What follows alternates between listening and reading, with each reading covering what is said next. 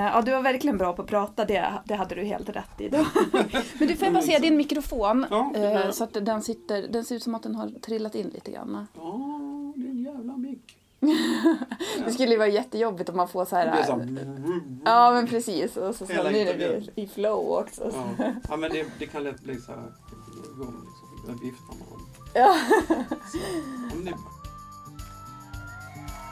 Låt dig smittas av glädje i podcasten som förgyller din dag. Välkommen till Glädjepodden med Sandra och gäster. I det här avsnittet ska du få ta del av en jätteinspirerande historia om hur rätt det kan bli när man bara släpper taget och överlämnar sig till någonting som är högre än ens eget ego. Du ska få träffa låtskrivaren Jörgen Elofsson som är ett levande exempel på hur otroligt rätt det kan bli. Jörgen han jobbade nämligen själv som artist för mm, ja, många år sedan. Och eh, sen så släppte han taget och lät det som skulle hända, hända. Och det som hände, det var att eh, det visade sig att han skulle, det var han som skulle skriva låtar till artister istället för att själv vara artist. Och den första Jörgen skrev musik till var Carola. Inte långt efter det så kom hans stora succé med Britney Spears och sen har det bara fortsatt i den vevan. Så att, eh, ja, du ser hur rätt det kan bli om man inte så här försöker lägga sig i så mycket. Och det jag älskar med det här avsnittet, det är att det är så otroligt fullspäckat av inspiration. Samtidigt så är budskapet väldigt enkelt.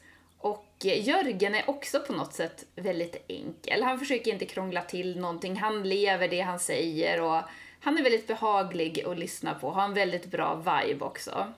Så du kommer gilla det här. Det här är ett sånt här avsnitt som, du vet precis som med en bok, vissa böcker, de är så här, man tänker att shit, den här boken har ju alla svaren jag behöver i livet.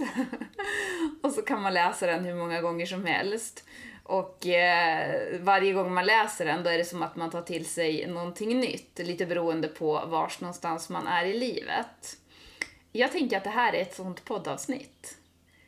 Så vi får väl se vilka livsförändringar det ger just dig. Du får gärna återkoppla till mig sen om du vill det, jag är jättenyfiken. Eh, Sandra heter jag förresten, om du inte har lyssnat på den här podden tidigare så är det jag som driver podden. Och jag driver också företaget Glädjefabriken. Och idag så har jag den stora äran att få presentera ett par av mina trognaste kunder som bidrar till Glädjefabrikens hjärta. Och det tycker jag passar väldigt bra eftersom att det här poddavsnittet ligger mig väldigt varmt om hjärtat. Så stort tack till Ekonomi Nord och ICA Nordmaling som, jag vet inte hur många år, har bidragit till att eh, sprida glädje för barn på sjukhus. Och det var ju Glädjefabrikens ursprungsidé, att göra gott, särskilt för de som har det lite extra tufft. Och eh, det ligger fortfarande kvar, så att alla som på något sätt bidrar till den här podden bidrar också till någonting gott. Så att eh, om det är så att eh, ni är företag och intresserad av att veta mer om det så kontakta mig gärna. Mina kontaktuppgifter finns i poddbeskrivningen. Och där finns också Jörgens hemsida och Jörgens Instagram. Men nu så säger jag bara enjoy det här avsnittet.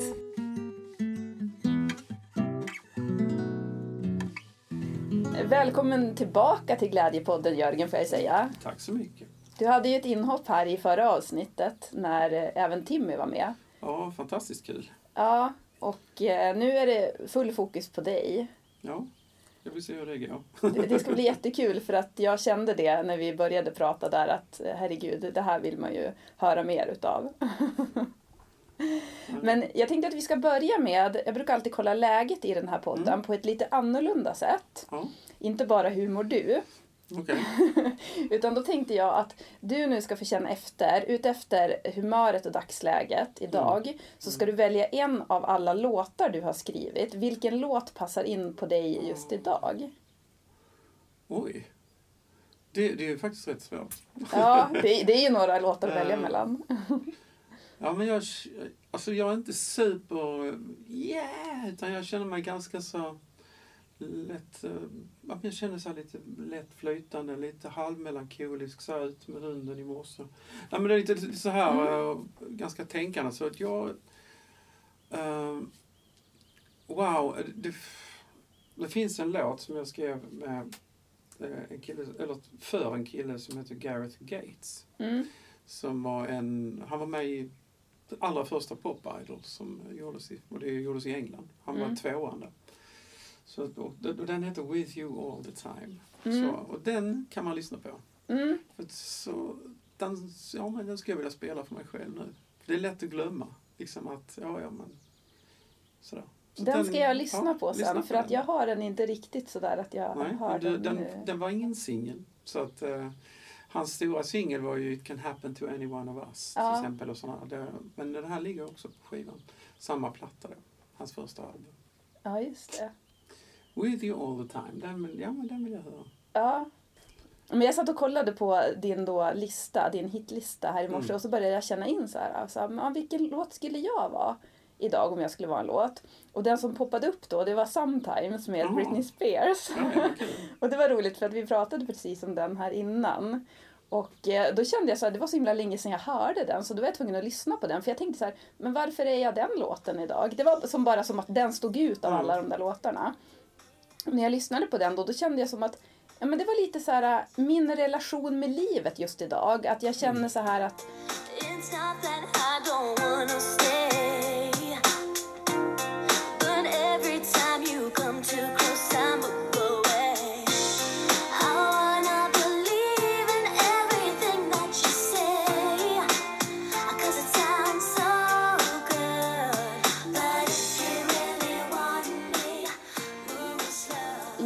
jag vill ha den här tilliten. Ja. Förstår du? Ja. Som hon vill ha då i en kärleksrelation. Och eh, jag eh, känner mig ändå lite sårbar i det. Mm. Så att, ja. Ja. Den eh, skrev jag till min fru. Från början, faktiskt. Var det som dina känslor till henne Ja. då? Ja, oh ja. Ja. Men jag, vi rensade texten lite grann sen för att jag skrev den, jag började skriva den eh, julen, ska vi se här, måste varit 97. Mm. Och eh, så um, fortsatte, för sen hamnade jag i Key West och så skrev jag en del på den där. För Cheiron-studien jag åkte till Key West, vi hade ett hus där. Och då, um, ja alltså de andra killarna satt ju jämt, och, eller de sov länge på morgnarna. Ja. Och jag kom dit gående från mitt hotell för det fanns ingen plats till mig för jag var precis nysignad då.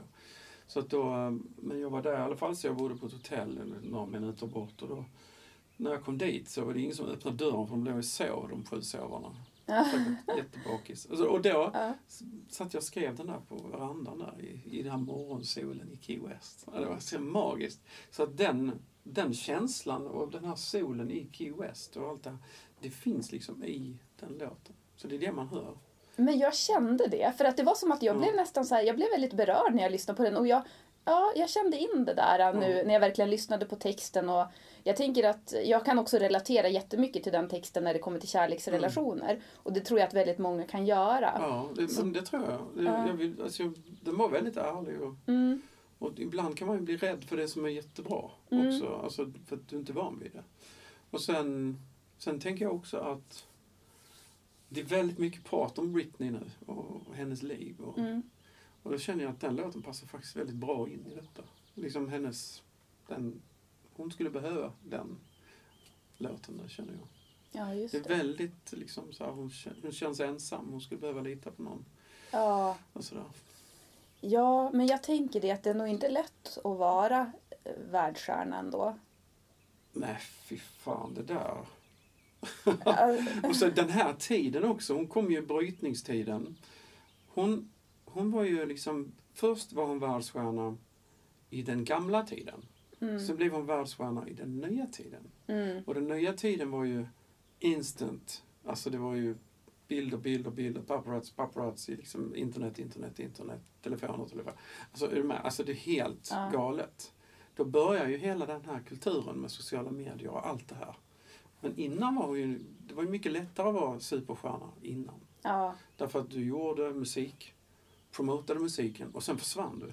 mm, Och sen var det liksom ing, alltså det, det kanske dök upp någonstans i någon skvallergrej eller något sånt. Men det var väldigt lite, det var väldigt mycket i fred. Mm. Men eh, Britney fick ju komma in i den nya världen också och var liksom en, en av de allra, allra första. Och, usch, jag tyckte det är jobbigt för henne. Alltså. Jag såg den dokumentären om henne, den senaste. De har väl säkert gjort flera. Mm. Men jag mådde jättedåligt av att se den och se hur man behandlar människor. Det är ju helt sjukt. Jag tänker på bara så här, de som intervjuade henne när hon var ung och paparazzis och allt. Ja, och jag, så. tror, jag tror att vi, det var ingen som tänkte på någonting sånt när vi, på den tiden. För Ja. på den tiden fungerade på det sättet. Mm. Det var liksom så här, man sa sådana knasiga grejer. Mm. Och det var liksom inget konstigt då. Utan det är ju liksom hela den här rörelsen som har ändrat på detta. Och att vi har gjort oss medvetna om vad fan vi säger för någonting. Och hur vi beter oss. Liksom du vet så här. Men det var ingen som tänkte på det innan. Och det är ju liksom otroligt bra, alltså på ett sätt. Va? Men det är ju också att vi ser hur dåligt Alltså den här popstjärnan, vilken skit. Varför, varför ska hon ta skit från den här jävla gubbjäveln? Liksom, eller hur? Alltså det blir jättekonstigt. Eller klappa på huvudet eller liksom säga något snusk eller... Ja men du vet, en massa sånt här. Och du ska bara ta skiten. Ja. Därför att du är där för att promota detta. Men då, de, de artisterna som var då, de var så oerhört medvetna om detta. Och att de, de fick tjockt skinn och de visste hur man skulle göra det här. Och de tog sig igenom det här därför att de visste att det var så, den här vägen måste jag gå. Ja. Sen hade de ofta bra människor runt omkring sig. Management, assistenter och sånt som var helt på deras sida som de kunde liksom lita på. Nu är det ju otroligt mycket svårare eftersom allt förväntas vända ut och in på ditt liv. Liksom. Hela tiden ska du liksom visa var du är. Varenda jävla minut ska du vara tillgänglig. Liksom. Ja. Så det, det är ett oerhört problem. Liksom. Ja. Men eh, ja, ja men jag, jag, kommer ihåg Britney som när vi träffade henne första gången. Hon var så jävla gullig. Hur gammal var hon då? Hon var 15. Ja. Och då kom hon med Fi, hennes assistent. Eh, som var med i den här dokumentären som New York Times har gjort. Som hon pratade ganska mycket där. Mm. Och hon var ju fantastisk med henne. Liksom, och, och Britney var helt otrolig. Alltså, hon var så jävla nice och så hon jobbade som fan. Och hon var sånt proffs liksom. Och Mm. var väldigt rolig och väldigt nice. Och, ja, vi hade väldigt kul med henne och sådär. Och det var kul att jobba med henne. Ja. Och jag kände liksom, jag visste inte, ingen visste någonting att hon skulle bli liksom eh, världens största artist inom ett år. Liksom, Mm. från att vi jobbat med henne. Men eh, fan vad det tog fart. Alltså, det var helt sjukt. Ja. Jag kommer ihåg, jag sa det faktiskt i ett par intervjuer som jag råkade göra med en lokal tidning från Skåne och någon annan grej som var från mitt förlag. Så, så vet jag att jag sa det. Hon kommer bli hur stor som helst. Jag vet inte, det Ja. bara kändes så. ja. Ehm, och det blev hon, verkligen. Jag tänker ändå 15 år, alltså man är ju så himla skör då. Ja men det fan, jag, min, min tös, min dotter är 16 idag. Ja. Jag skulle aldrig skicka iväg henne till sådana som oss. Alltså det går ju inte. Över halva världen. Men jag tror att Ja. Britney hade ganska unikt eh, amerikansk showbusiness går inte Mm. att jämföra med svenskt. Alltså det är ju otrolig skillnad. Mm. Ehm, och det är en otrolig skillnad på hur, hur artister ser på det själva. Vad de måste göra. och Hur, hur utbyggd den branschen är jämfört med i ett litet land som Sverige. Mm. De har 350 miljoner människor där. Och, eller plus, eller och vi har 10. Ja. Så, att, så, att, så businessen är så otroligt mycket större där. Och därför också konkurrensen och proffsigheten. Så att när vi träffar Britney som är 15 år, Ja. då träffar vi en som en svensk artist som är 25. ja, just det. Liksom, hon är så oerhört mogen för, Mm. för jobbet så att säga. Mm. Sen kanske hon liksom sitter och leker med dockor på hotellrummet, det vet jag inte. Men i sin roll som artist var Ja. hon oerhört mogen. Ja. Och hon, hade redan, hon var redan stjärna i USA, men på TV. Hon hade ju redan gjort Disneyklubben och liksom sådana här grejer. ja, men precis. Så att det, var liksom, det var väldigt häftigt att få möta en, en så professionell men ändå ung människa. Och jag tror att det var det som gjorde, alltså den kombinationen och, och rätt musik, Cheirons musik, Mm. Martin, vi. Liksom, ja, men, faktum är att Sometimes var den första låten hon spelade in.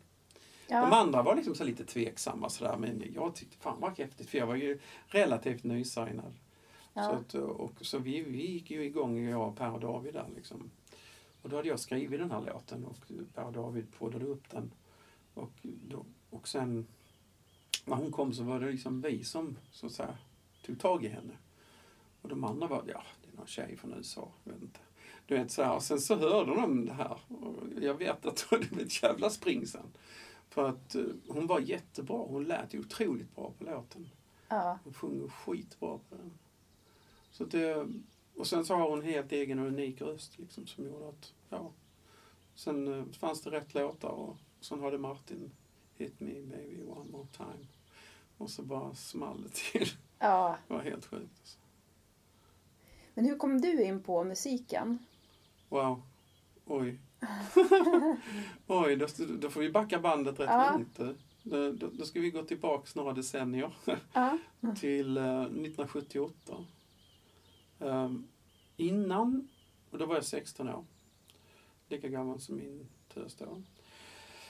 Ehm, 78, det här var a- april tror jag faktiskt, 78. Och jag hade inga tankar på att göra musik alls. Jag visste ingenting om någonting. Ehm, jag gillade musik. Jag hade bara gått på konserter och tyckte det var roligt och såna här grejer. Men inte att jag skulle spela eller någonting. Utan det var att jag hamnade hemma hos en kompis. kompis. Mm. Eh, och han hade en elgitarr. Liksom en skitsnygg så här Sunburst Les Paul-kopia. Eh, som hette Nippon Best, kommer jag ihåg. Och så fick jag känna på den och spela på hans förstärkare. Och det bara, det bara så pang i huvudet. Jag vet inte vad som hände. Du Ja. vet, så här, du vet så här, ungefär som att du kan bara bli liksom superlove. Alltså du vet så här, Ja. wow vad hände?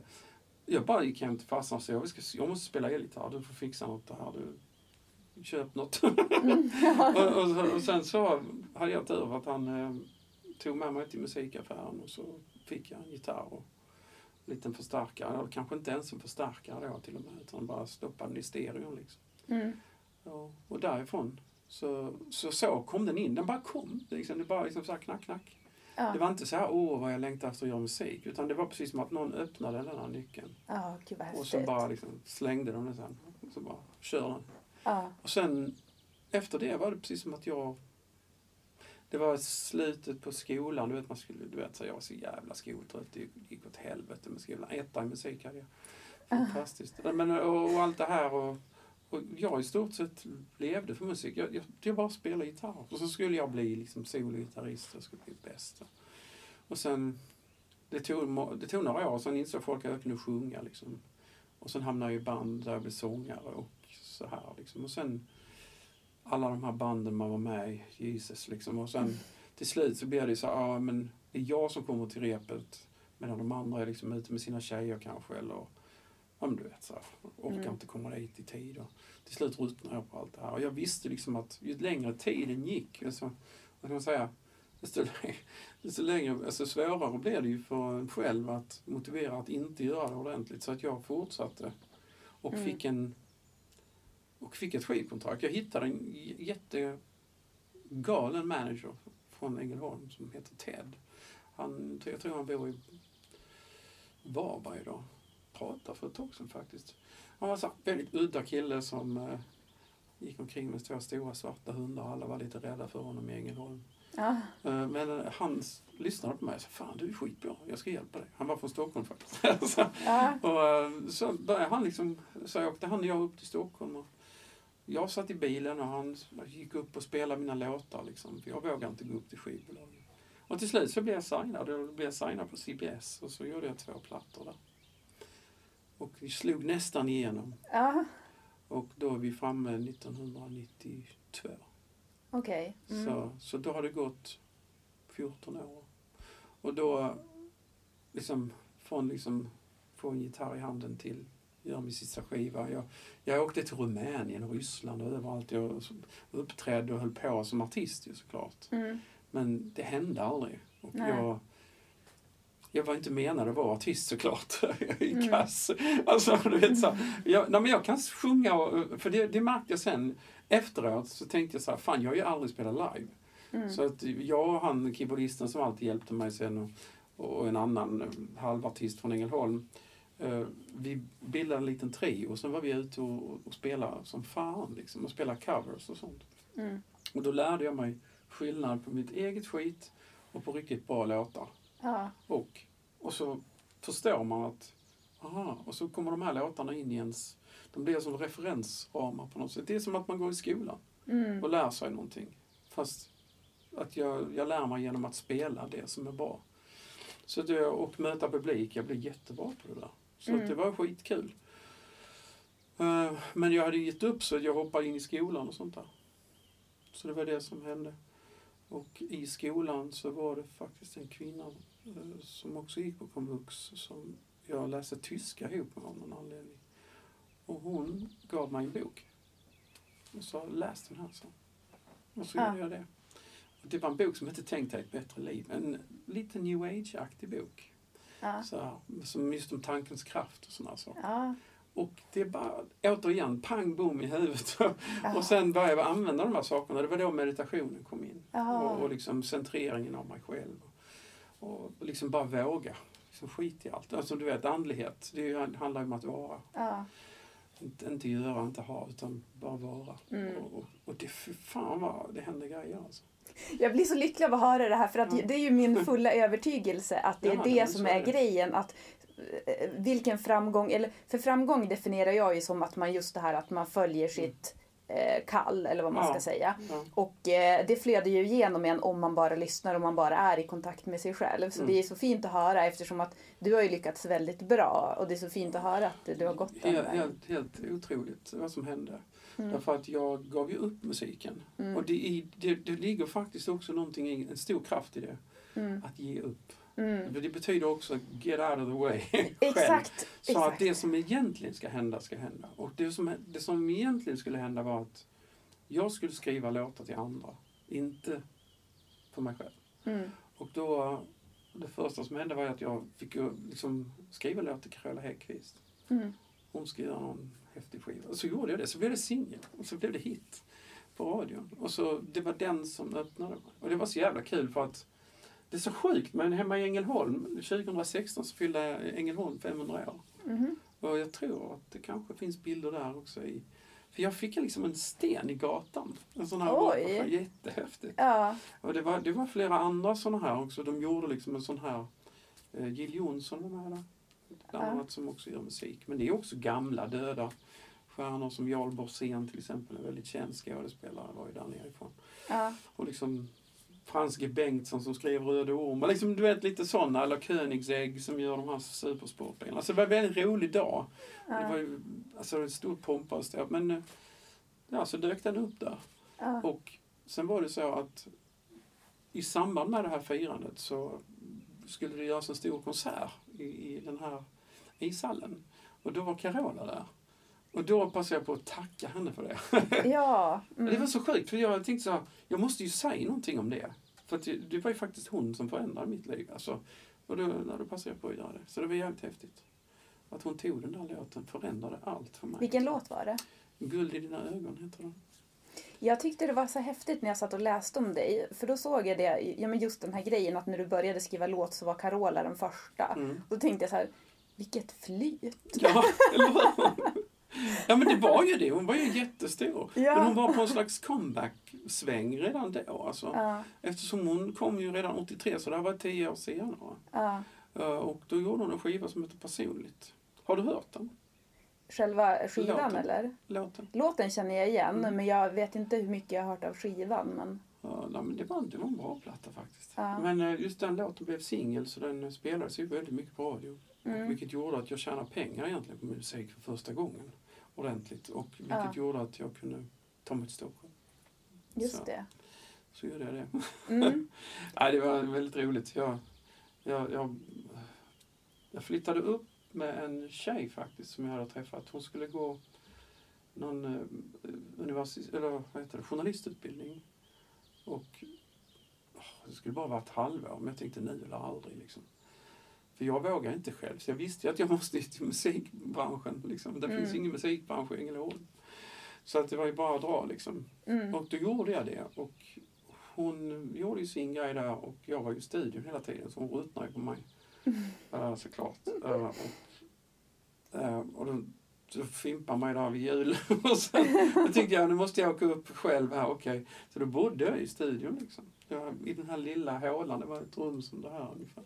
Ja. Becksvart nere i en källare liksom, på Östermalm. Så det var jävligt kul. Jag låg där i mormors gamla tältsäng faktiskt. Sov jag i. Och sen så var det så här.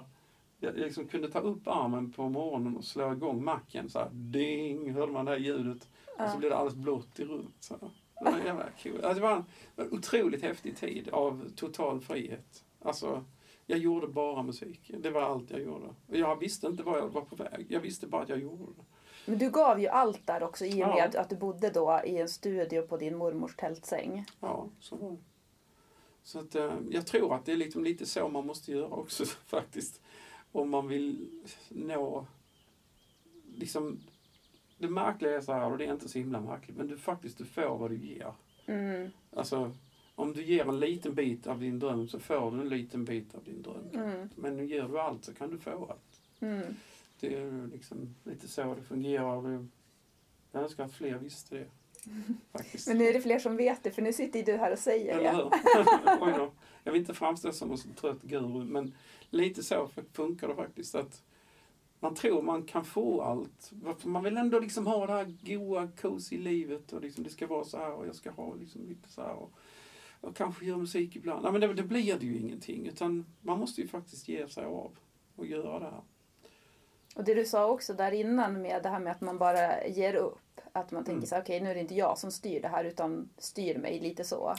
Faktiskt att du lägger dig i någons händer som inte syns. Ja. Mm, Och det var en annan grej som jag gjorde som jag var rätt kraftfull faktiskt, som jag fick lära mig också, var att kasta allt du har. Så jag gjorde mig av med allt skit jag hade. Jag tömde den här lilla lägenheten jag bodde i, så hade jag en madrass kvar och en studio, stod i hörnan, min portastudio där. That's Mm. it. Det var allt jag hade. För att vad, man, vad som händer om man kan ge sig av med allt, då kan man också välkomna in det nya. Mm. Och det låter jävligt flummigt, men det finns krafter i det där. Som är så här att om, om man kan se sig själv utan någonting, så Mm. kan du också få allting. Så det, det är väl lite så. Jag tror att det var det som räddade mig i alla fall. Mm. Och tog mig iväg. Liksom, till. Sen har jag nog tyvärr, åh, jag vill meditera mer liksom, och sådana här saker. För att, men jag- har haft så mycket att göra så att jag har liksom så här, misskött mig lite grann. Så att, eh, jag är på väg tillbaks till den där grejen känner jag. Men nu påminner du dig själv om det också. Ja, oh ja. Det får man göra hela tiden. Ja, men precis. Och nu har du som gjort det officiellt här så att nu vet ju du, när du lyssnar på det här sen också så kommer Ja. du bara just det. Ja, just det. Ja. Nej, men det är jätteviktigt. Men, men det finns tider för allt. Va? Det finns tider liksom för att du ska göra liksom det på det sättet. Sen måste du ta emot allt när det händer. Mm. Och lite grann var det som om du vet äh, Fångarna på fortet. När, I slutet när de liksom släpper ner alla guldpengarna. Mm. Så måste du springa utav helvete. För det är då det öppnar sig. Ja. Och sen kommer det här att stänga sig förr Mm. eller senare igen. Eh, för att allting är en vågrörelse i det här jävla universumet. Så att allt upp, ner, fram, tillbaka. Hela tiden. Det, det finns ingen... Du, du, du kan inte ändra på det. Nej. Men du kan, vad du kan ändra på det är att du kan springa så fort du kan när du får det. Så att du inte Mm. liksom då spelar golf. Utan det gör man när man har fått det. Så det, är så, det är därför jag spelar golf idag. För att kunna Ja, liksom rensa hjärnan och liksom sådana här grejer. Men jag kunde inte spela golf när jag upptäckte golf 94, 95. Mm. För då kände jag, fy fan vad det här är roligt. Det här kommer ta för mycket av min tid, bort med det. Mm. Men så att det gäller liksom att springa när det är dags att springa, vila när man ska vila. Så tror jag. Mm. Och sen är det spänningen däremellan som skapar musik och skapar eller tavlor eller bra idéer eller tech-idéer eller vad fan det än är liksom som du gör. Så ligger det liksom där. Det liksom ligger i spannet mellan spring och vila. Men också att tro på det man gör. Såklart. Mm. Wow, jag känner jag tar till mig jättemycket av det du säger för att Mm. jag känner just nu så är jag själv i, i en resväska. På tal om det här med att göra sig av med alla sina grejer och sådär. Ja, ja, Jag vet ja. inte riktigt vars i livet jag ska. Jag vet inte ens var jag ska bo någonstans framöver och sådär. Så att eh, därav den här sometimes. Så Jag vill bara Ja. verkligen känna det här att jag har, livet tar hand om mig. Ja. Men eh, Jag skrev en annan sån låt faktiskt. Och det, Ja. Den påminner exakt om det du säger. Eh, jag såg den i det, det, det här citatet var på en skylt. Eh, de intervjuade George Harrison och så var en skylt bakom honom. Och det stod If you don't know where you're going Every road will take you there. mm, Jättebra. ja. Så jag skrev den låten. Den, den blev också bra faktiskt. Den har kommit ut än. Den har inte kommit ut än. Nej. Fan! Jag kände att det var den jag skulle lyssna på. Fast nej, det var Gareth Gates. Vilken, vad hette den låten nu igen då? Ehm, Du kan ta en paus om du vill. Ska jag spela Gareth Gates? Ja!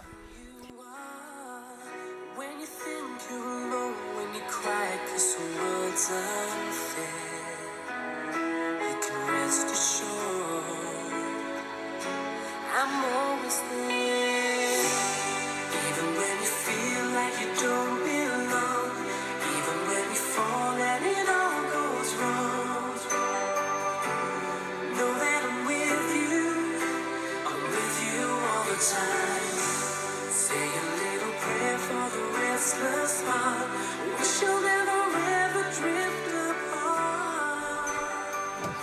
Kört lite musikpaus här och det var väldigt känslosamt. Den här låten som Jörgen var idag, den var ju jag också känner jag. Alltså jag kände ju det att det var ju som att jag bara, det gick det rakt in i hela mig. Tilliten till att bli buren och Ja, men lite så. mm, Väldigt mycket så. Att det finns någonting där inom oss alla som är evigt och som vi kan luta oss mot när det är jobbigt. Liksom. Eller som vi kan använda oss av när vi ska flyga. ja. Liksom. Och jag tänker att det är väldigt stort att hamna där, för om man kanske inte har haft riktigt den tryggheten i livet, att då blir det som att man kan på något sätt tvingas in i den högre tilliten, om du förstår Mm. vad jag menar. Ja, alltså, jag vet inte exakt vad du menar, men jag kan säga att det var lite så det var för mig. För jag hade Mm. inte den tilliten. Nej. Den hade jag gått förlorad. Alltså, den, den hade försvunnit under min uppväxt. Så. Mm. Eh, utan det var någonting som jag fick uh, hitta tillbaks till själv. Mm. Och faktiskt genom en bok som jag fick i komvux när jag hade gett upp allting. Ja. så, så kom det där och då, då kom musiken på så otroligt märkligt sätt tillbaks. Och jag gjorde inte ett skit, jag lovar dig, för att hamna på Kironstudion. Nej. Jag var bara där utanför en dag och, och Dagge öppnade dörren och sa välkommen in. Så Mm. att, jag, vet inte, jag vet inte vad som hände då faktiskt. Det är jättekonstigt. Men eh, jag tänkte så här, bäst att göra det bästa av det, så att jag jobbar ihjäl mig. Nej, men lite Mm. så. Jag tror att det, det when it rains, run. Liksom. Men det är det man kan se som en gåva ändå. Och man kan se det som att man har känt kanske att man inte haft riktigt den där tryggheten eller tilliten som man kanske hade önskat. Men att man då får gå in i den här högre tilliten. Mm. För det kan ju bli, precis som jag sa, att det kan ju bli att man blir tvingad till att göra det bara för att man vill känna sig trygg på jorden på något sätt. Och det är ju ändå en gåva att få vara i det. Absolut. Jag menar, alla människor är unika. Alla människor har olika resor. Mm. inte alls, vi liksom, det gäller ju på något sätt att hitta den där, det, där, man, där man får en klang, där det resonerar kring en. Eh, Där man får, eh, om det handlar om att föda upp kaniner, Mm. eller om det handlar om att göra musik, eller Ja men förstår du vad jag menar? Alltså det handlar Mm. om att dra iväg ut på landet och eller, eller rädda valarna eller vad- fan som helst. Alltså, Mm. Bara det är någonting, för jag tror att alla har liksom en, någon form av uppgift som vi ska liksom hitta. Mm. Och Exakt. hittar vi inte den så är det, det kan vara av olika anledningar. Eller så hittar vi den till slut. Jag vet, det, det där vet inte jag, det är ju ingen som vet. Men det känns som att mitt, mitt eget, min resa och mitt liv, alltså det blev så jävla självklart när jag hittade musik. Mm. Ja, Det blev liksom vägen ut ur någonting som jag inte riktigt tyckte så mycket om. Där jag befann mig som inte var så jävla positivt. Men, eh, ja, men musiken räddade mig kan man säga. Från Ja, men det var din massor av väg att saker. gå. Ja, Ja, och du följde den. Du lyssnade verkligen. ja är absolut. Jag, jag lyssnade men jag hörde inte. Mm. Eller så gjorde jag det för att det är så konstigt för att det var ju precis rätt tid allting skedde så jag vet inte fan. Men jag hade liksom de här 14 års bandspring. Liksom olika replokaler, olika band, människor hit och dit och du vet så här, ja, inspelningar. Man dubbeljobbade, jag vanligt, jag jobbade och knegade som vem som helst i 15 år. Eh, alltså samtidigt som jag gjorde musik. Så, att, så egentligen hade jag ju en lång, alltså jag hade en lång karriär av musik innan det hände. Mm. Som jag hade liksom 20 år innan Britney small till. Men kan fan inte du- ut i 20 år? Ja. Men kan inte du se det som en fördel ändå att du vet hur det är att vara artist också när du skriver låtar till artister? 100 procent. Ja. Det är jätteviktigt att veta. För jag vet olika saker. Jag vet att de behöver bra musik, inte bara min musik. Jag vet att eh, jag vet hur de mår. Jag vet vad det, vad det är som ligger på deras axlar och så vidare. och så vidare. Sen, sen är det lite annorlunda idag. Artisterna idag är lite annorlunda mot vad de var förr. Det finns en större medvetenhet, en större självmedvetenhet. Samtidigt som det finns en, den här som vi säger att folk bara jobbar ihjäl sig. Liksom. För att man Ja. inte är medveten. Så man är medveten om vissa saker, men är omedveten om andra. Mm. Och sådär. Jag tänker att man kanske inte ska lägga sig i så mycket i sina motgångar heller. Att man ska inte försöka pusha fram framgång, men när det är motgång, att det kanske finns en mening med dem också. Ja, men det- det är klart, alltså, det är motgångarna vi växer. Mm. Framgångarna är ju bara att springa och hämta det som du har gjort i motgångarna. Det är Mm. liksom, det blir ingen utveckling i framgång. Nej. Det är ju en avveckling kan man säga, på någonting som har varit. Ja, alltså, jag brukar säga så att det är som en båt. Det är viktigt att vi sitter i fören och jobbar. Och, och delar. Vi ska inte tänka på hur det ser ut bakom båten och svallet som blir sen. Utan vi, vi måste vara här och klyva vattnet Mm. i, i nuet. Och när vi är där, då kan vi skapa ett stort fall om vi får bra fart på båtjäveln. Ja. Men, om- men eh, vi kan ju inte bara koncentrera oss på det. Därför att då kommer inte båten att gå framåt. Mm. Om vi sitter i, liksom i aktern och duttar. Nej, men Då blir exakt. det ingen fart. Utan vi, vi måste liksom vara i för, vi måste vara båtens för som klyver vattnet. Och så Ja. blir det svall sen. Och sen kan det också, svallet komma tillbaks. Utan att man fattar hur det går till. Det är också jättekonstigt. Mm. Eh, att jag menar helt plötsligt så är det någon som hör av sig och säger Fan, jag, vi gjorde någonting för hundra år sedan, nu vill jag göra någonting med dig. Jaha, vad kul. Mm. Ja. Ja, men du vet, det, det, alltså det är jävligt märkligt. Jag, jag har en kompis som är filmregissör. Och han lärde jag känna... Jag pratade faktiskt med honom igår. Um, han håller på med film och, och gör grejer och jag vill att jag ska hjälpa honom att skriva. Jag, jag ska skriva musik till hans filmer och sådär. Men eh, han lärde jag känna redan när jag var i Helsingborg och gjorde radioreklam. Mm. Då var han en av skådespelarna som vi tog in från Stadsteatern för att spika, som det heter, prata på um, radioreklamen. Mm. Som vi satt och gjorde där. Och det, alltså det var ju jättekul. Ja. Och så lär man ju känna någon och sen helt plötsligt så kan jag ju göra någonting tillsammans med honom Ja. liksom 30 år senare. Det är liksom det, de grejerna, det, det är så märkligt. Va? Man vet aldrig med livet. Nej, nej det, är, det är sjukt konstigt. Det händer jättekonstiga saker. Det var, ehm, jag vet att det var några som upplevde det här, men jag upplevde den här grejen också, bara som en liten parentes. Jag eh, fick en förfrågan att skriva med en kvinna från Hollywood som heter Rita Wilson. Har du hört den här storyn? Det är jättekul. Rita Wilson, vet du om det är? Det Nej. är en skådespelare, en jättestor skådis. Hon har hållit på Kanske skulle veta om jag såg henne eller... Ja, det vet du precis. Men Ja. du vet absolut vem hon är. Hon är ju Ja. dessutom producent, filmproducent. Så hon, hon gjorde My Big Fat Greek Wedding. Och ABBA-filmerna till exempel, Mamma Mia. Ja. hon, är sån, hon är jättestor. Hon skriver musik och Ja. sjunger så här, och gör lite, lite plattor och så här på, vid sidan av. Så att hon, hon hade varit här i England och så vill hon eh, sökte hon kontakt. Så vi gjorde någon sån här Zoom-session.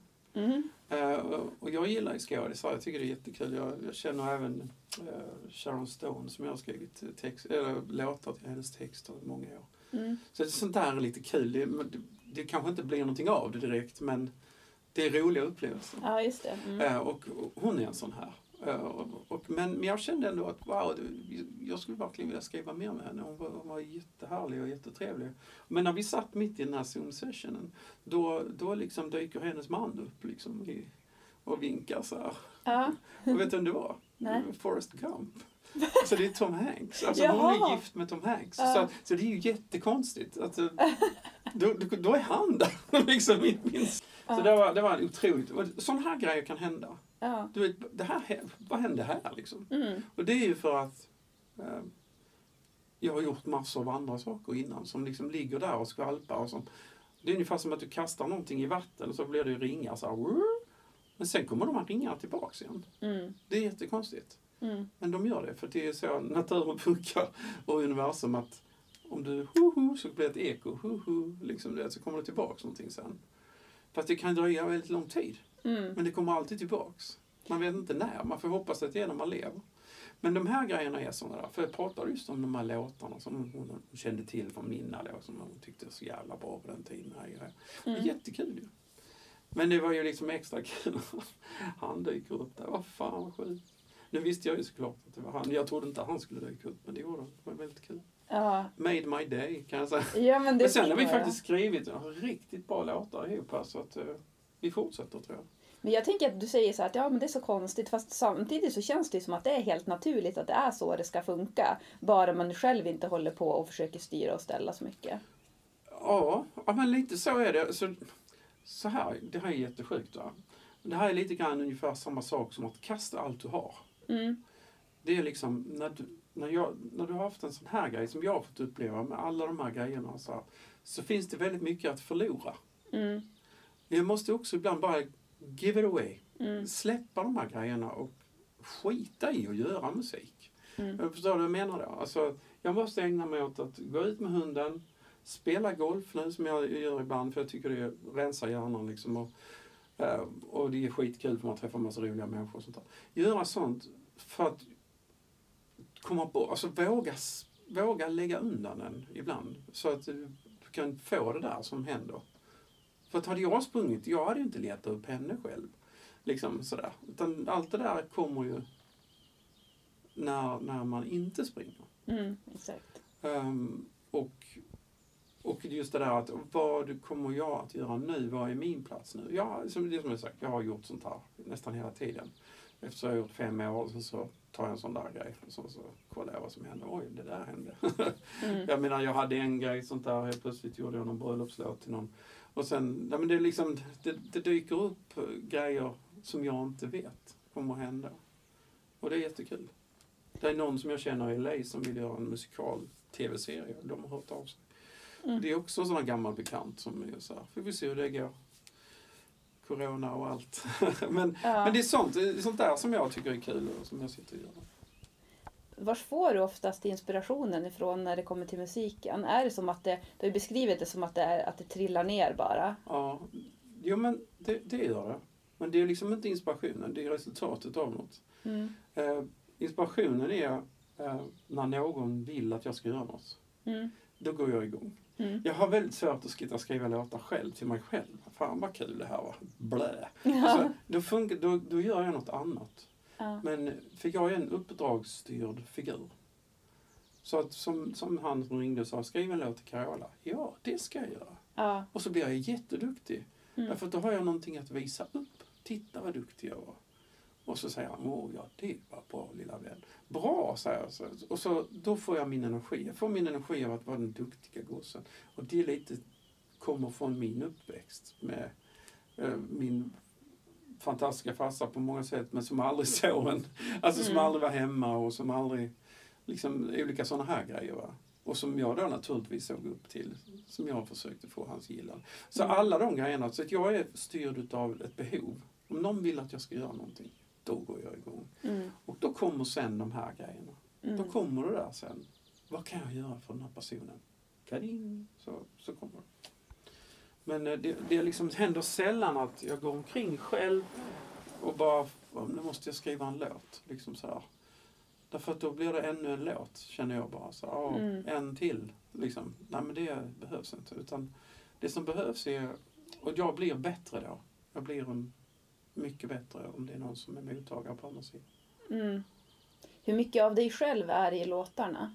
Ja, det är hur mycket som helst. I procent? Är det hundra eller? Mm, Nå, alltså. Jag, jag har ju jättesvårt att skriva något som inte är jag. Mm. Men jag utgår från vad de behöver. Mm. Alltså, vad, är, vad vill jag? Vad vill de ha? Vad vill deras artist ha? Vad vill den här artisten jag skriver med ha? Och så blir jag liksom en slags kameleont som kan... Jag är liksom jag. Jag är en kameleont. Jag kan göra det, jag kan göra det här. Jag kan vara blå, jag kan vara gul. Och, liksom så här va. Men jag är jag. Är du med? Mm. Så att det blir liksom jag, fast det blir liksom lite olika. Så. För jag tänker din genre, det är ju mestadels kärlekslåtar. Kan man tro. Ja. Eller är det inte det? Ja, alltså, väldigt mycket av det jag skrev var egentligen två sorters låtar. Mm. Och så samtidigt, dels var de andliga, eh, för jag ville ha någonting sånt med mig. Men också att de, att det var, ja naturligtvis var det det liksom. Vad skulle jag skriva om? Ehm, kriget i någonstans. Alltså, jag, jag måste skriva om där. Och jag kände att liksom det, det kunde jag förmedla på ett bra- sätt och vackert sätt. Det var sånt jag hade i mig och det var det, det som kom ut. Liksom, på något sätt. Och sen så är det klart att jag kan skriva massa av olika grejer. Um, eh, och när det blandas in andra människor Mm. och sådär. När, när um, andra har ju, och då, då blandas man upp liksom så här. Då, då blir det ju liksom, den här personen kanske skriver en text om, ja du vet, det kan ju vara om misshandel för någon liksom, eller vad som helst. Mm. Uh, bra, då, då kan jag vara med och skriva den. Men det var kanske inte så jag hade uttryckt mig. Om jag hade... Jag försöker alltid gå till den, till hjärtat på något Ja, sätt. men precis. Det är där jag finns. Jag är en sån typ. Liksom. Jag, är Ja. inte, jag är ingen politisk eh, låtskrivare eller protestlåtskrivare eller Nej. sånt. Jag, jag går mest och... Ja, men det, det är mycket kärlek för mig. Men jag älskar det, att det är med hjärtat. Det, Ja, ja men det måste det vara. Jag tror att även att Mikael Wiehe då, som skrev massa låtar om Nicaragua och sånt, om det var Afzelius, de jobbade ihop. Att de, ja det är också med, med hjärtat. mm. Men kanske också i, i ett annat syfte, liksom Mm. att berätta och liksom belysa en historia liksom. Och något problem som de ville sätta ljus på. Mm. Eh, medan jag har jobbat i tonårsgenren, musiken där, poppen. Och den, där ligger man ju oftast i eh, det som händer med unga människor, tjejer och killar. Man går in i pubertet och man ska hitta en egen identitet och så ska man komma ut på andra sidan. Så det är där min musik har legat någonstans. Det bara blev så. Mm. Det blev Britney Spears. Det kunde ju kanske bli Ja. ett Kiss istället. Va? Men Ja. det blev Britney Spears och det var hon som på något sätt eh, satte... Okej, det är det här du är. Ja, Aha, okej. Och så blev det det jag var. Och så kom alla och så ville de ha det. ja, Och sen så gjorde jag det ja. hur länge som helst. Och det funkar väldigt bra. Ja, det funkar skitbra. Du ska få en jättesvår fråga Oj nu. då. Nu vet jag vad den sa. Vilken är den viktigaste låten? Nej, men, men din bästa låt. Nej, jag säger inte. Det är ju jättesvårt. Jag kan ju inte säga det. Alltså det, det men då måste jag, om jag ska säga min bästa låt, då är det jättetråkigt. För då kommer jag säga så, ja men då är det Soundtrack med Britney. För den var den som förändrade mitt liv. Mm, Helt och hållet. mm.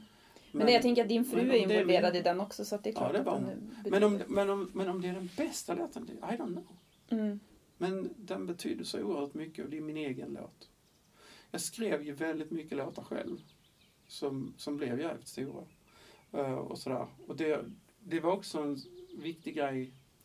Eh, eh, i, idag funkar det liksom lite annorlunda. Det är väldigt mycket människor på varje låt.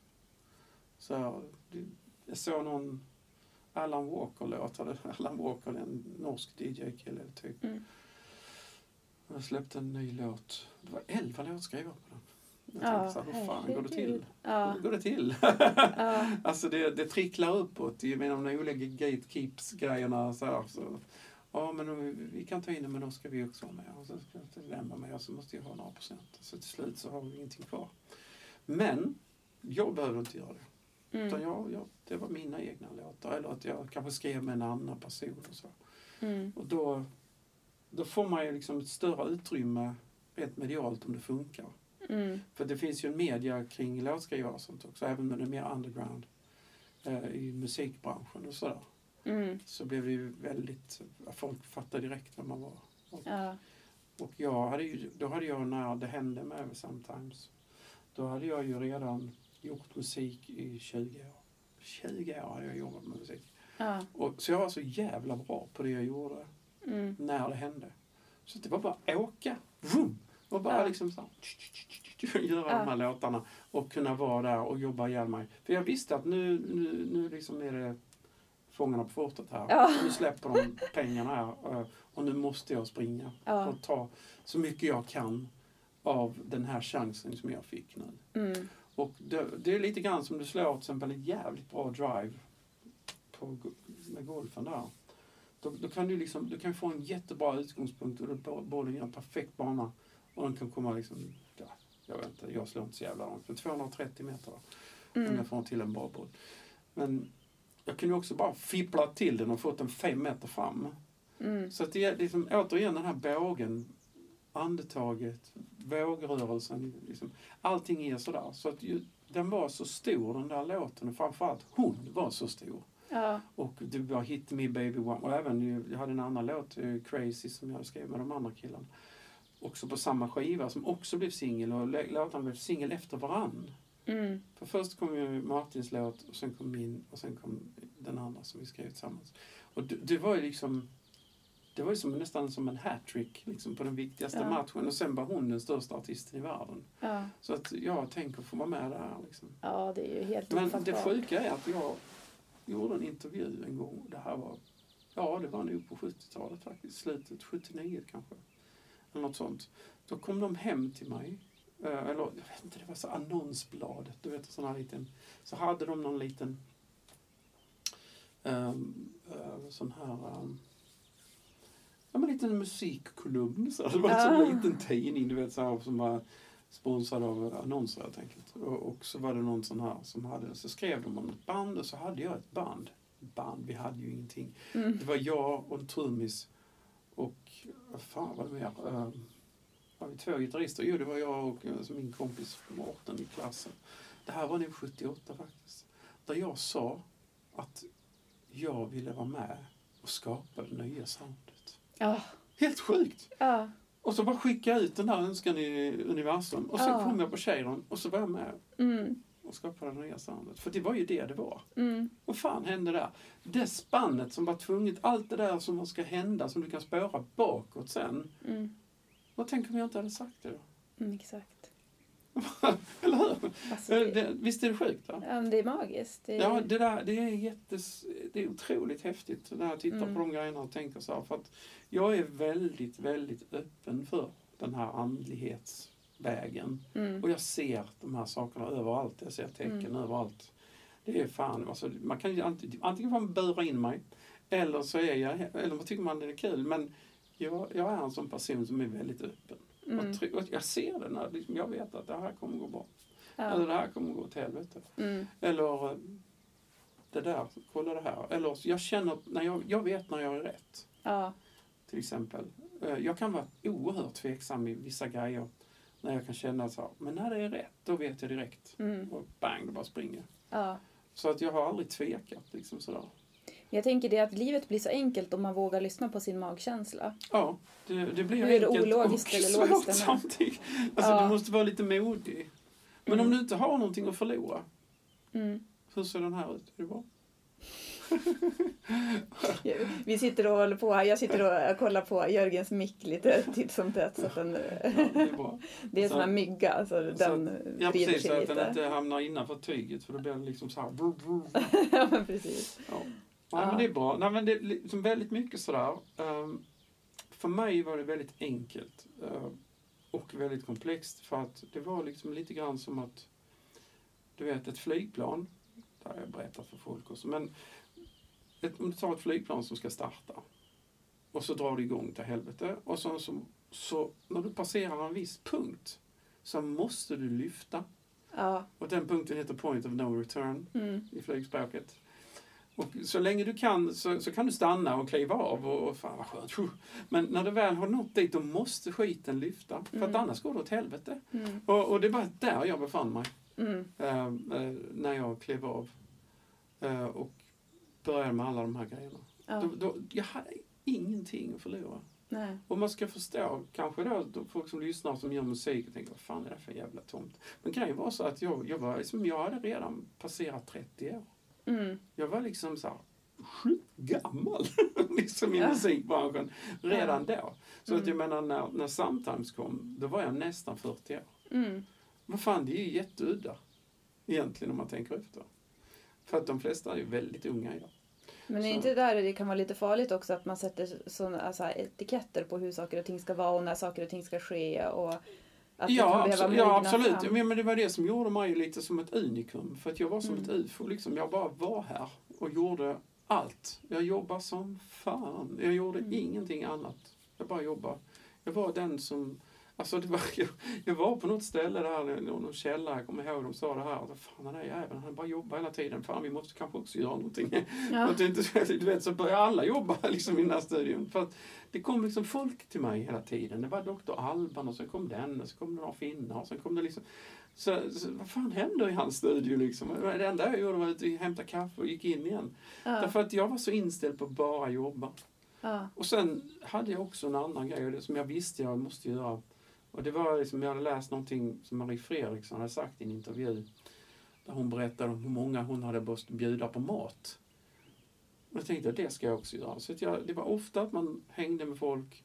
Man bjöd på lunch eller man snackade vet, så här. Så att det fanns, man möttes i käk. va, Fika Mm. ihop eller så här. Så drog man till olika studios. Och, och så där. Det var också jätteviktigt. Ja. Man, man- man ska också förstå att eh, på den tiden, nej men Ah. alltså då, Mm. innan eh, alltså Cheirons stora break, så fanns det ingen sån musikindustri i Sverige.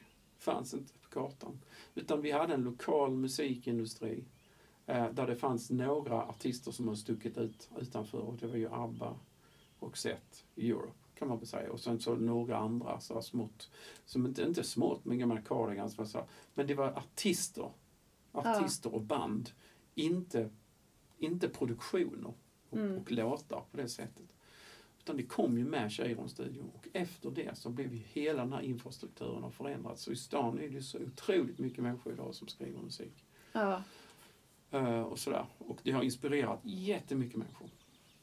Och det har blivit alla de här skolorna som är nu och allt det här. Men då fanns det ju ingenting. Mm. Men ändå fann, fick man hoppa, man, jag, vi gjorde ju det ändå. I alla Ja. fall jag Ja. var ju sån som for med, alltså, jag åkte så mycket tunnelbana så liksom, det var helt sjukt. Va? Jag orkar inte åka tunnelbana mer än någonsin. Men då gjorde man det, alltså, man, man for ju fram och tillbaka och hit och dit. Och så. Ja. Så att, ja, det var otroligt spännande tid. För, att, för man visste ingenting, men jag sket i det för jag mediterade. Jag höll mig i nuet. Jag höll mig helt och hållet i nuet och litade på att det ordnar sig. Så var det faktiskt. Så det, var- det var en väldig kraft. Alltså Jörgen, det här är så bra. Är det det? Ja, det är det. Exceptionellt. Ja, vad kul. Jag, jag, jag älskar att höra det. För att jag tänker så här att det, det du säger, det är liksom... Ja, men jag tror jag sa, har sagt det tidigare nu när jag har pratat här, men det är som meningen med livet. Mm. Just Ja, det här att vara i nuet och sen då vara öppen för det som... Att ta, Ja. bara ta sig och, och liksom se när man ska och våga släppa. Nej men gud, jag vet inte, jag kan inte ens sammanfatta det här. Det är, Nej, men det, bra. det, alltså, det, du kan ju, eh, man sammanfattar egentligen mig kanske genom, genom all musik och allt som jag har gjort och sådär. Men en sak som faktiskt är lite märklig och det är att jag, jag är samma. Mm. Jag har inte förändrats. Det är jättekonstigt. Jag, jag är lika snurrig som jag alltid har varit. Och lika konstig. Jag, jag märker det, jag kommer aldrig in i det här. Jag försökte komma in i det här livet. Du vet, Ja. att vara lite grann som man förväntas vara. Men jag mår så jävla dåligt av det. Ah, Jag funkar inte. Alltså det, jag, jag har märkt att jag är faktiskt... eh, Jag, jag, undrar om det kanske är för att det kom senare i livet. Att jag ja. att om, om, om jag hade så att säga haft min samtalsframgång när jag var 21 så hade det kanske förändrat mig Mm. och kanske gjort mig dålig eller sjuk eller alkoholiserad eller vad fan som helst. Men eh, det, eftersom det kom när jag var 38 så... Jo, men man tänker ju att Så väldigt många kändisar hamnar ju i drogträsket. Mm. Och det. Så att det kanske har någonting ändå med det att göra. Att man, du var mer stabil i dig själv än... Jag, vet, jag, tror, jag, tror, att jag var det. Eller, Mm. eller vad ska jag säga, stabil. Jag var nog... Jag var nog liksom, jag bara följde någonting. Mm. Jag, jag liksom tänkte inte så mycket. Utan jag, jag gjorde liksom min grej och så eh, tog jag hand om mig själv. Alltså väldigt mycket med meditationen. Och, och så, så träffade jag ju eh, Kikki då som var helt fantastisk och som bara var en sån här frihetsmänniska. Som jag, men jag har aldrig haft något problem att göra allt jag har velat. Mm. Liksom, just därför att hon är likadan. Hon Och det är din fru alltså? Ja. Mm. Så att, jag menar, det skulle ju aldrig funkat om jag hade haft en relation där, där någon hade stängt mina dörrar. Då hade vi inte haft någon relation. Så att jag menar, det, det är också sådana här saker. Det, det, människorna runt omkring är så jävla viktiga. Men för jag tänker att det är nog lätt att tappa fotfästet i den branschen ändå. Med världsstjärnor och allt vad det är för någonting. Har du Mm. känt att du alltid har haft dina fötter kvar på något sätt? Ja, men alltså, jag, kände, jag kände att... Jag tror att det var när jag var lite så här... När jag hade varit lite väl mycket i LA så kände jag liksom att eh, det var på väg att förändras någonting. Mm. Och eh, Los Angeles eh, musiksvängen har den förmågan att man är i Hollywood så kan man liksom bli Hollywood. Om, om man är liksom, inte tänker sig för. Det, alltså jag vill inte bli Hollywood, det vill säga någon sån här ytlighetsteori. Mm. Utan, eh, så att jag trivdes väl aldrig där. Så jag, jag, jag tänkte flytta dit men det blev inte så. Därför att när jag väl skulle göra det då, så, så var jag helt enkelt för trött. Så tog en paus. men, men då hade jag ju varit där. Vi hade varit där jättemycket. Man får fram och tillbaka hela tiden. Och nu är alla där. Alla, Ja. ja. inte nu för nu är det corona men innan så Ja. var ju alla liksom på något sätt I'm in LA, I made it. Ja.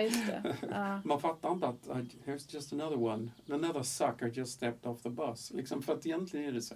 Mm. För att Los Angeles är liksom typ dubbelt så många människor nästan som Sverige. Mm. Så stora Los Angeles är väl 18-20 miljoner människor. Det är liksom att åka till en plats som är liksom dubbelt Sverige och försöka breaka där. Det, det är inte alltid så enkelt. Men det är Ja. ändå där det händer om det ska hända. Mm.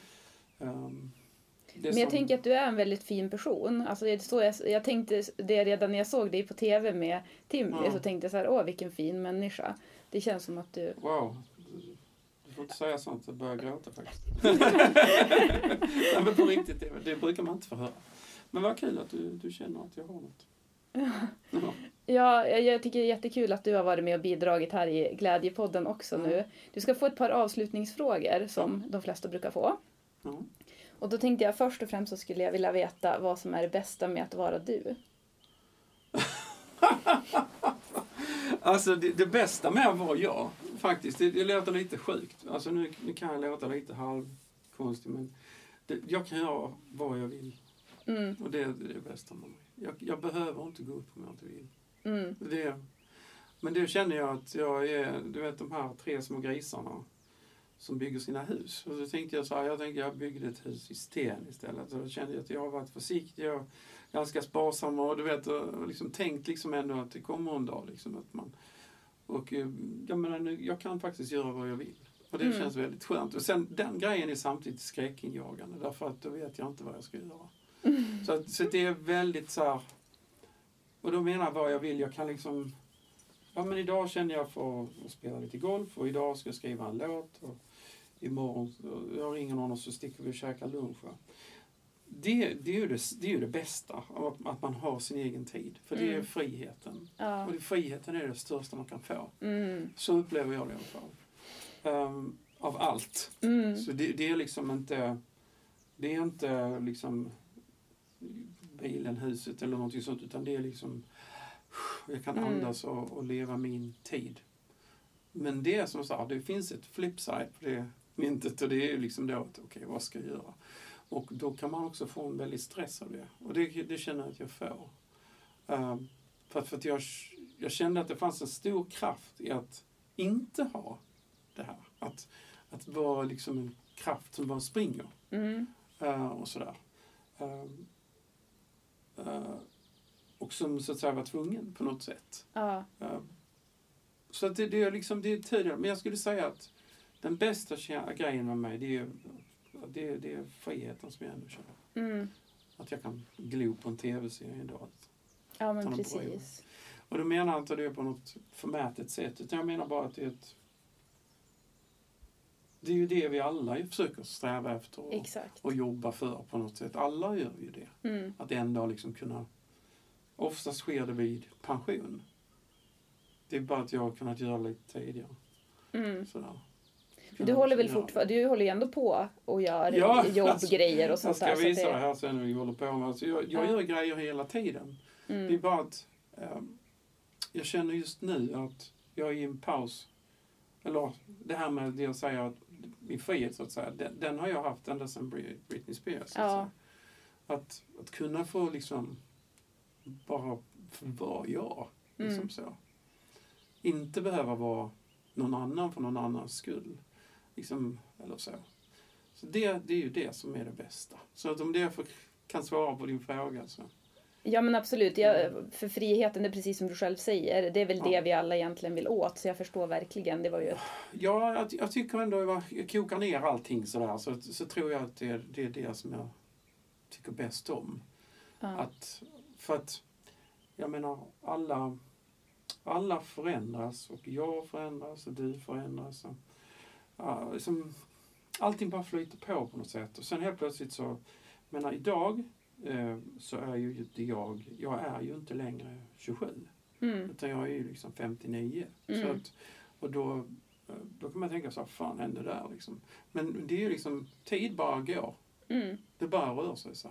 Mm. Och därför så- så förändras jag. Jag kommer ihåg så här, typ 55, 54 där någonstans. Då, kom, då hände det någonting. Och det händer alla människor. Och det visste inte jag förrän det hände mig. Och Mhm. det är det som, det finns en, en psykolog snubbe som heter Carl Jung som fanns förr i tiden. Du vet vem han är? Mm. en lärling till Freud som jobbade med honom men som har en mjukare och mer andlig approach till psykologin. Mm. Och han hade den här grejen som heter Stages of Life. Det är något kort skrivet han har skrivit som är väldigt bra. Och det handlar liksom om de olika delarna i vår, vårt liv och hur vi är. Mm. Och i början, alltså Morning of Our Lives handlar om eh, ambition, att bli bäst. Jag ska vinna, jag ska klara det här, jag är störst, jag är en vakt. Och sen, i en viss period, så slår den bort, pang, och så blir vi the meaning of life. Ja. Då blir mening större än ambition. Mm. Men vad som händer är att vi tar med oss verktygen som vi har lärt oss, allting om hur det ska vara. Det tar vi med oss in i meningsfasen. Mm. Och så kraschar det. Så får man en kris. Mm. Och det fick jag. Mm. Jag fick säga, vad fan ska jag göra nu? Alltså, då är det inte det viktigt att springa snabbast längre och visa allting och så. För att, och den här kommer alltid, därför att jag tror att den kommer därför att när vi blir så att säga äldre så dör folk omkring oss. Mm. Det vill säga, de som var där alltid, våra föräldrar, de går bort. Och det är vår första brush med döden om vi, om vi har tur. Mm. Ehm, och efter det, när vi blir lite äldre, så börjar vi se vår egen död snart. Alltså den, den är där borta.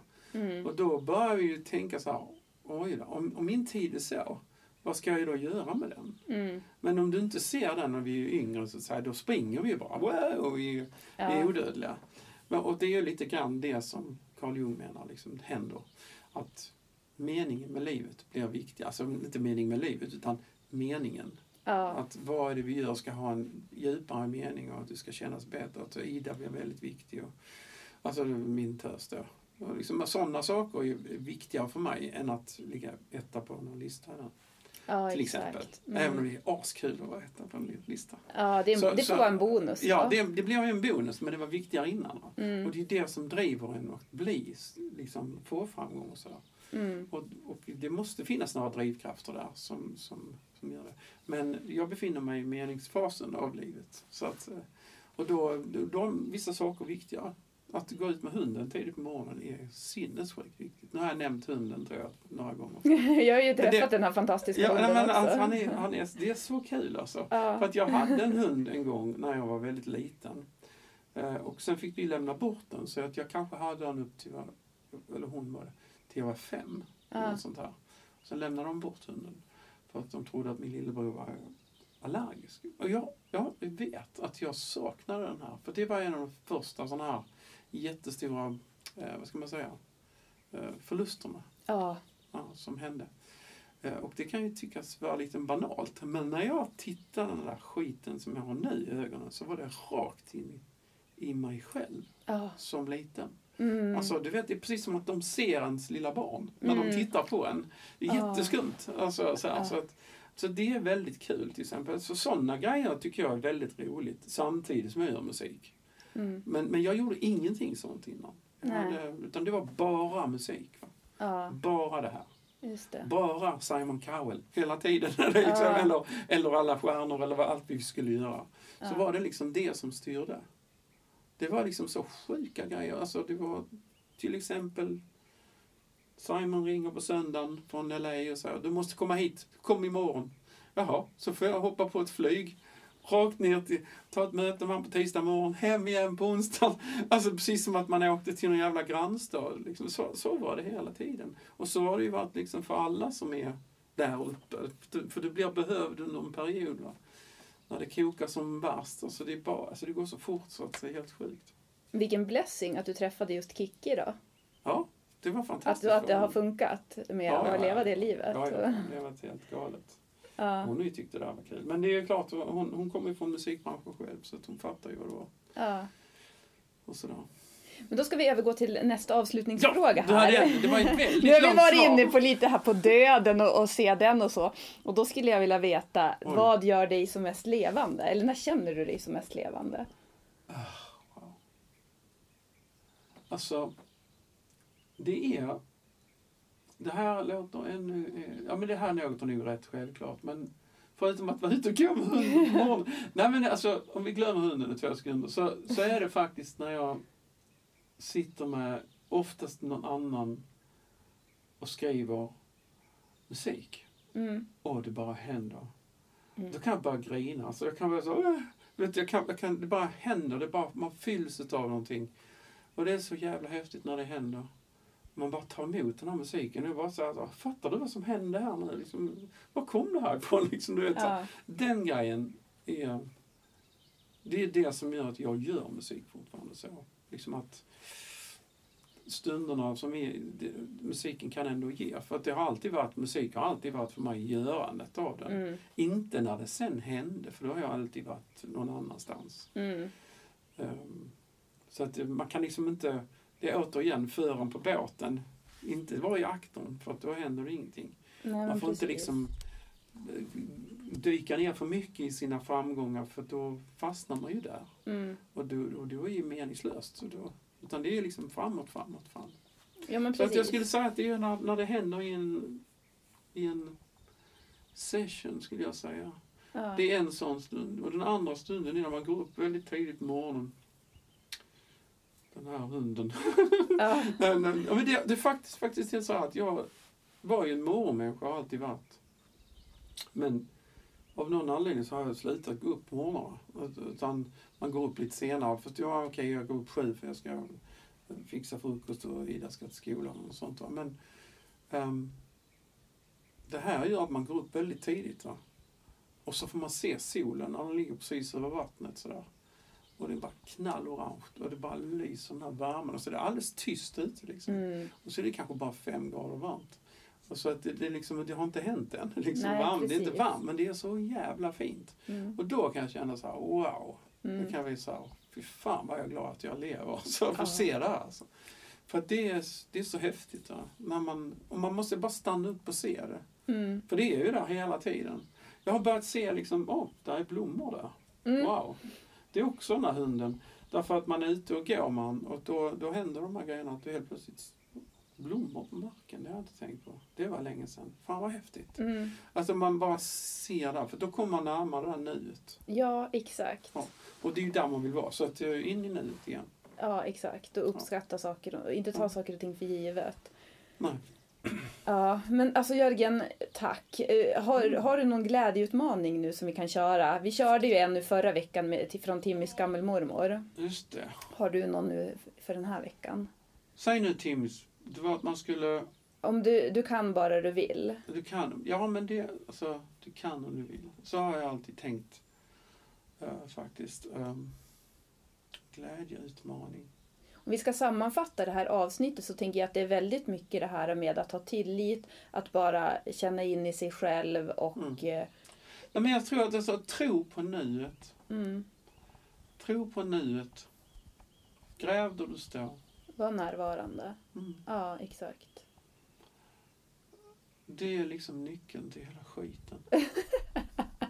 Det här vi kallar för livet. Ja, men vet du, våran, våran hjärna är ju så fantastisk på många sätt. Va? Men det, i nivå, vi har också liksom två personligheter. Vi Mm. har ju ett ego? Mm. som tyvärr bildas av olika sätt. Alltså på olika sätt och behandlingar som vi bemöts i livet. Va? Så skapar vi ett falskt jag. Mm. Och jag säger så här. Um, skipa egot och vara dig själv Mm, faktiskt. exakt. Det låter som en jättebra utmaning. Ja, jag tycker det. Skipa egot och vara dig själv. Mm. Lyssna Vad vill du och- egentligen? Ja, exakt. För egot, det är ju inte bara den som tror att den är störst, bäst och vackrast, utan det är också den som sätter käppar i hjulet och bara du kan det, inte det, det här. det, alltså det är jaget som man själv skapar. Mm, Och det kan ju komma från olika saker och olika upplevelser i livet va? som gör att ehm, jag blir en tillfredsställare av andras önskningar. Mm, Eller jag, exakt. eller jag är en si eller så. Jag, jag tror att jag är så. Till slut tror jag på lögnen själv. Men jag är ju inte så här. Mm. Det var någon som skrev också i den fantastiska boken som jag läste den första. Vad var det den hette? Tänk dig ett bättre liv. Ja. Det är en kvinna som heter Anna-Stina Vrethammar som skrev den. Jag vet inte om hon lever längre. Mm, Men hon var också så jag skulle vilja tacka. Tack, mm, säger Anna-Stina Vrethammar, för den boken. För den förändrade hela mitt liv kan jag säga. mm, Det sa bara pang bom och sen, Ja. sen var det helt nytt. Men det finns de tre jagen. Den jag själv tror att jag är. Den andra tror att jag är. Ja. Den jag verkligen är. mm, Alltså de tre. Och det handlar om att vara den du verkligen är. Så Mm. att skippa jaget, var den du verkligen är. Det kan du. Och på tal om det här med pang, du vet att någonting bara Mm. Tänk dig, alltså vi vet ju inte hur många pang det har blivit nu av allt det här fantastiska du har sagt för de som lyssnar på den här podden. Ja, det hade ju varit något. det Ja, varit jättekul. men det är det som jag tänker, som vi pratade också om i förra avsnittet med Tim. Man vet faktiskt aldrig, bara man är sig själv och följer sin inspiration, då kommer man förändra andra människors liv på större sätt än vad man ens kan veta Ja. om eller föreställa sig. Och det behöver man inte ens veta, för det bara, Nej. det bara händer. Ja, Men Ja, om det, är det. ja, så är det. Om det är någon som nu är intresserad av att hålla koll på dig och vad du gör. Du har ju en jättefin hemsida har du visat här. Ja, den kan man kolla in. Den är väldigt häftig faktiskt. Det finns mycket att kika på där. Och eh, sen har du någon Instagram eller någonting man kan... Jag har en Instagram, men det, det står inte så mycket i den utan det är bara liksom någon grej som jag lägger ut då och då och sådär. Men eh, Mm. ja, så där finns en Instagram och jag har min jorgenelofsson.com då. Där jag samlar liksom det mesta. Liksom så. Ja. Det går att hitta i poddbeskrivningen här. Ja, så finns, min musik finns ju överallt. Men man kan Mm. hitta ganska mycket. Sen kan man liksom slå upp den på Spotify och lyssna. Man kan faktiskt också lyssna direkt i min hemsida. Där kommer till Spotify tror jag. Ja, Låtarna, så det är lite fräckt. ja, ja. Det är lite sådär. Har du någonting du vill tillägga nu innan vi säger tack och hej? Vad fan, det där är ju livsfarligt att fråga mig. Kommer jag sitta här och prata. Det här kommer bli. Glädjepoddens längsta avsnitt, men det, det bjuder vi på för det är verkligen ja, men, värt. nej, men jag, jag tycker också att det har varit jättekul. Alltså varför vi har det här samtalet beror på att du är sådär. Förstår du? Vi kunde ju haft ett samtal som var ett helt annat samtal. Men Ja. Det, det är du som driver samtalet. Och Det är den här, du har ju den här öppna auran och vill göra saker och lita på universum. Så, Mm. så då får du göra det. Och det är tack vare dig som jag pratar. Så är det. För jag är ett instrument för andra människor. Så funkar det. Men det är ju inte, det är ju inte bara jag som sitter här och maler. Utan det är det är faktiskt du också. Så du får ge dig själv en eloge. Det skulle jag vilja säga. Ja, men oj då. Ja, tack så jättemycket. Ja men så är det. Så Och så är det ju alla som lyssnar som Ja. har varit med, som är med också nu och sådär. Så att vi får tacka er också så jättemycket. Absolut. Och så sen så får vi bara säga så här, ut och var dig själv. Ja, ut och vara Ja. själv, tro på dig själv och ge inte upp, kan Nej. jag säga. Ge inte upp. Mm. En dag så står du där. Mm.